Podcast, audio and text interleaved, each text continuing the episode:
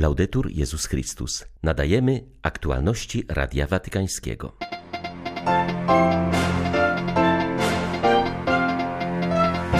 Przechodzicie przez męczeństwo, cały Kościół jest z wami, powiedział papież do ukraińskich bazylianów.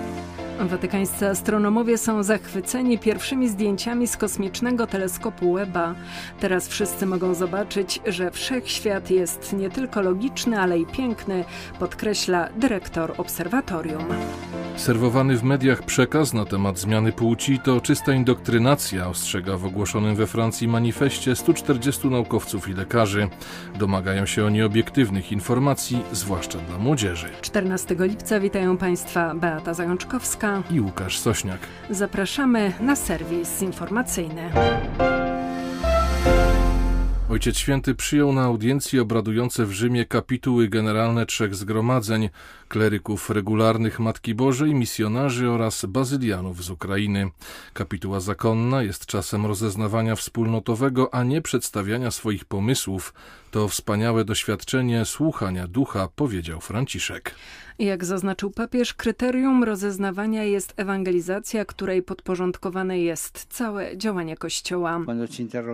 Kiedy stawiamy sobie pytanie o naszą twórczą wierność pierwotnemu charyzmatowi, musimy zadać sobie pytanie, czy nasz sposób jego interpretacji i realizacji jest ewangelizacyjny. To znaczy, czy wybory, których dokonujemy w zakresie treści, metod, narzędzi, stylu życia, są ukierunkowane na dawanie świadectwa i głoszenie Ewangelii. Bez dłuższych chwil adoracji, modlitewnego spotkania ze Słowem, zadania łatwo pozbawione zostają sensu. W naszych czasach istnieje niebezpieczeństwo, że o tym zapomnimy. Zwracając się do bazylianów z Ukrainy, Franciszek zapewnił o swej bliskości z ofiarami wojny. Tej chwili bólu i męczeństwa jestem blisko Was. Cały Kościół jest blisko Was. Towarzyszymy Wam jak możemy w Waszym bólu. Często myślę, że jednym z największych zagrożeń jest teraz zapomnienie o dramacie Ukrainy. Człowiek się przyzwyczaja a wtedy nie jest to już dla niego takie ważne. Ostatnio zobaczyłem w gazecie, że wiadomość o wojnie była na dziewiątej stronie. Jesteście w trakcie męki i życzę wam, aby Pan zlitował się nad wami i był blisko was z darem pokoju. Papież Franciszek napisał przedmowę do książki zatytułowanej Dialogi braterskie, wydanej przez argentyńskie Ministerstwo Spraw Zagranicznych.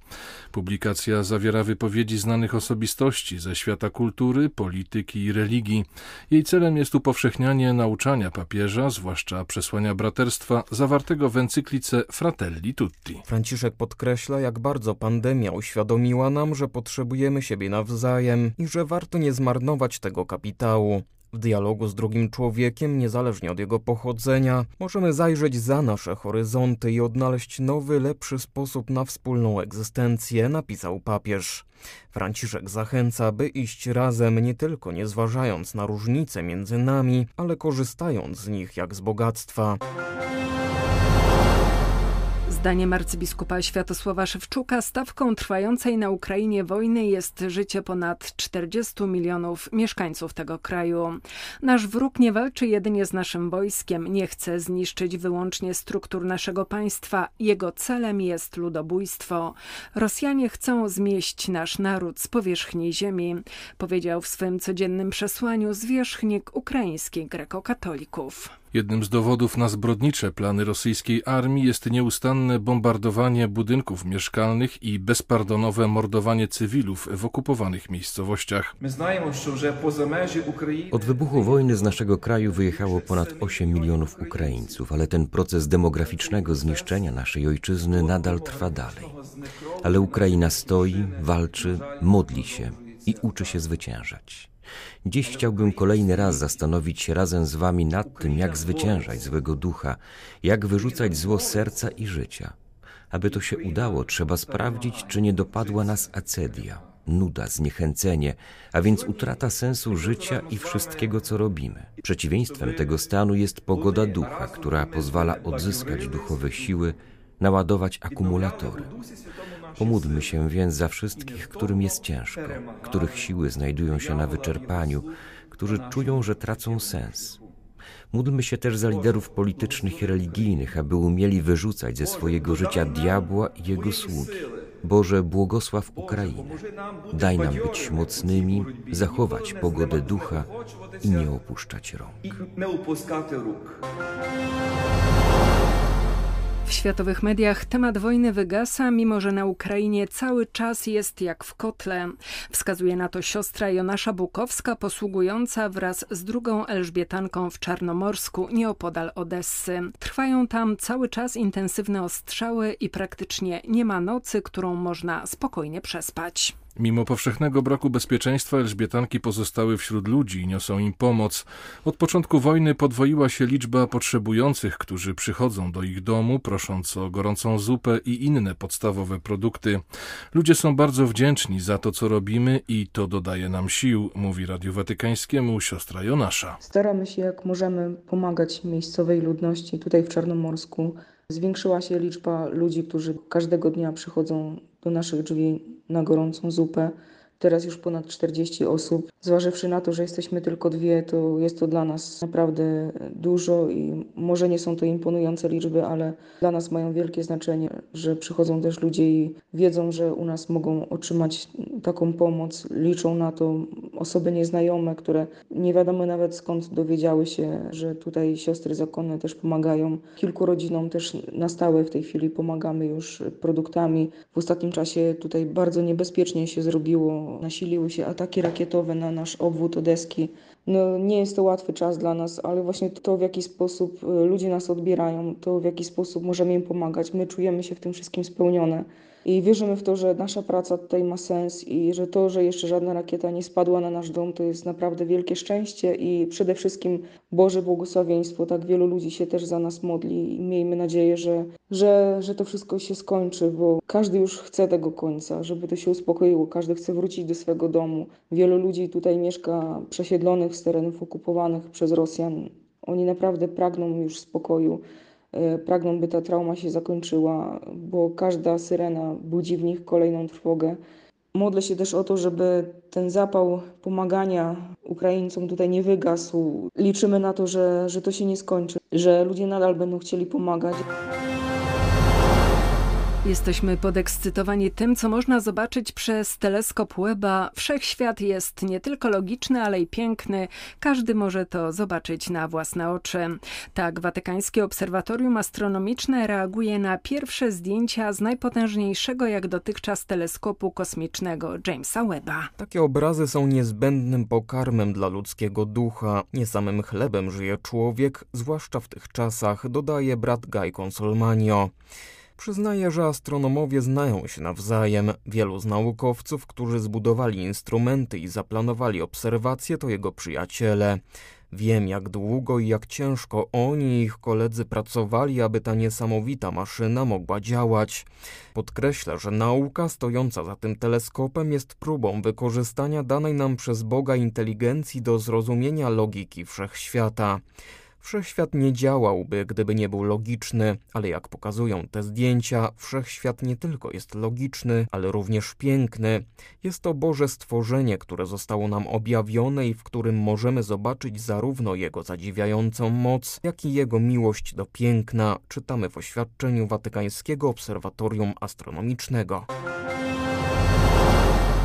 Serwowany w mediach przekaz na temat zmiany płci to czysta indoktrynacja, brakuje w nim bezstronności i rzetelnej wiedzy, a także jasnego mówienia o konsekwencjach takich decyzji dla życia dzieci i młodzieży.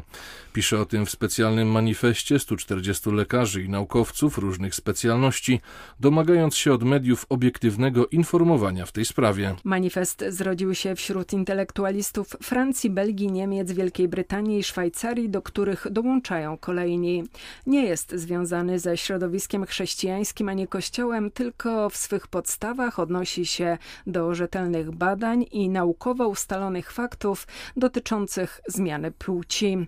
Jest reakcją naukowców zaniepokojonych indoktrynacją dotyczącą emancypacji dziecka transpłciowego, która wdziera się już na place zabaw. Jako naukowcy specjaliści w dziedzinie opieki nad dziećmi zdecydowanie sprzeciwiamy się twierdzeniu, że kobiety i mężczyźni są jedynie konstrukcjami społecznymi lub odczuwalnymi tożsamościami. Czytamy w manifestie.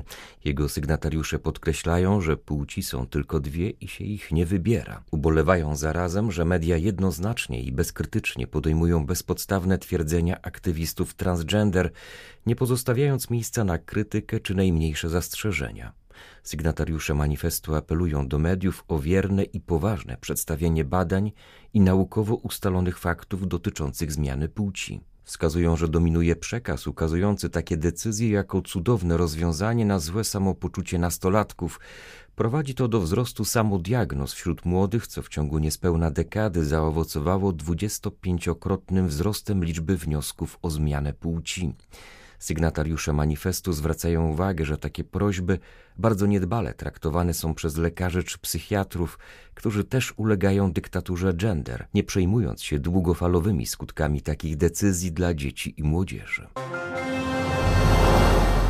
Biskup musi umieć słuchać ludzi, uważa siostra Yvonne Rongo, francuska zakonnica mianowana przez Franciszka do dykasterii do spraw biskupów. Decyzję papieża określa jako totalną niespodziankę. Jest jedną z trzech kobiet, które odtąd będą miały wpływ na nominację biskupie na całym świecie. Siostra Yvonne podkreśla, że Kościół potrzebuje obecnie biskupów o szerokim horyzoncie misyjnym. Nie umiem powiedzieć, w jakim zakresie będziemy miały wpływ na nominację biskupie, bo nie otrzymałyśmy jeszcze konkretnych wskazówek. Zapewne będziemy poproszone o analizowanie efektów konsultacji, które nuncjusze apostolscy przesyłają do sekretariatu stanu przed decyzją o mianowaniu jakiegoś księdza biskupem. Moim zdaniem biskup powinien być przede wszystkim duszpasterzem, być blisko ludzi, umieć ich słuchać i im towarzyszyć. Musi mieć więc ducha misyjnego, być bardzo otwarty. Wśród kobiet mianowanych do watykańskiej dykasterii do spraw biskupów znalazła się także pochodząca z Argentyny Maria Lia Zervino, świecka przewodnicząca Światowej Unii Katolickich Organizacji Kobiecych. To historyczny moment dla Kościoła. Uważam, że ta decyzja papieża przyniesie wiele dobrego. Ojciec Święty zauważa, że w Kościele są również kobiety, a więc powinny mieć one wpływ na jego kształt. Franciszek powiedział kiedyś, że Kościół bez kobiet jest jak wspólnota apostołów bez Maryi. Jestem wdzięczna papieżowi za tę decyzję. Uważam, że nie sposób zrozumieć Kościoła bez kobiet, zwłaszcza takich, które są aktywne, mają swój styl i niosą go naprzód. Jan Paweł II, Matka Teresa z Kalkuty czy Karol de Foucault, to oni są prawdziwym obliczem Kościoła. Wszyscy wiemy, że świętość jest jego najpiękniejszym owocem, podkreśla kardynał Robert Sarach, odnosząc się do problemu kościelnych skandali. Kardynał Sarach podkreśla potrzebę położenia większego akcentu na rozwój życia duchowego. Ono jest tym, co w człowieku najcenniejsze. Kiedy go zabraknie, przestajemy być w pełni ludźmi, a stajemy się smutnymi zwierzętami. Życie staje się dręczącym oczekiwaniem na śmierć lub ucieczką w materialistyczną konsumpcję. Zauważa, że w społeczeństwie, w którym nasze zachowania są podyktowane przez konsumpcyjny materializm, rozwijanie życia duchowego wymaga stanięcia w opozycji względem świata. Nie chodzi tu o postawę polityczną, lecz o wewnętrzny opór względem dyktatu kultury medialnej. Ludziom, którzy nie potrafią się modlić, przypomina słynny zakład Pascala, o którym często wspominał Benedykt XVI. Zacznij żyć tak jak chrześcijanie, a przekonasz się, że jest to prawdziwe. Ja ośmielam się powiedzieć, zdobądź na modlitwę nawet jeśli nie wierzysz, a zobaczysz.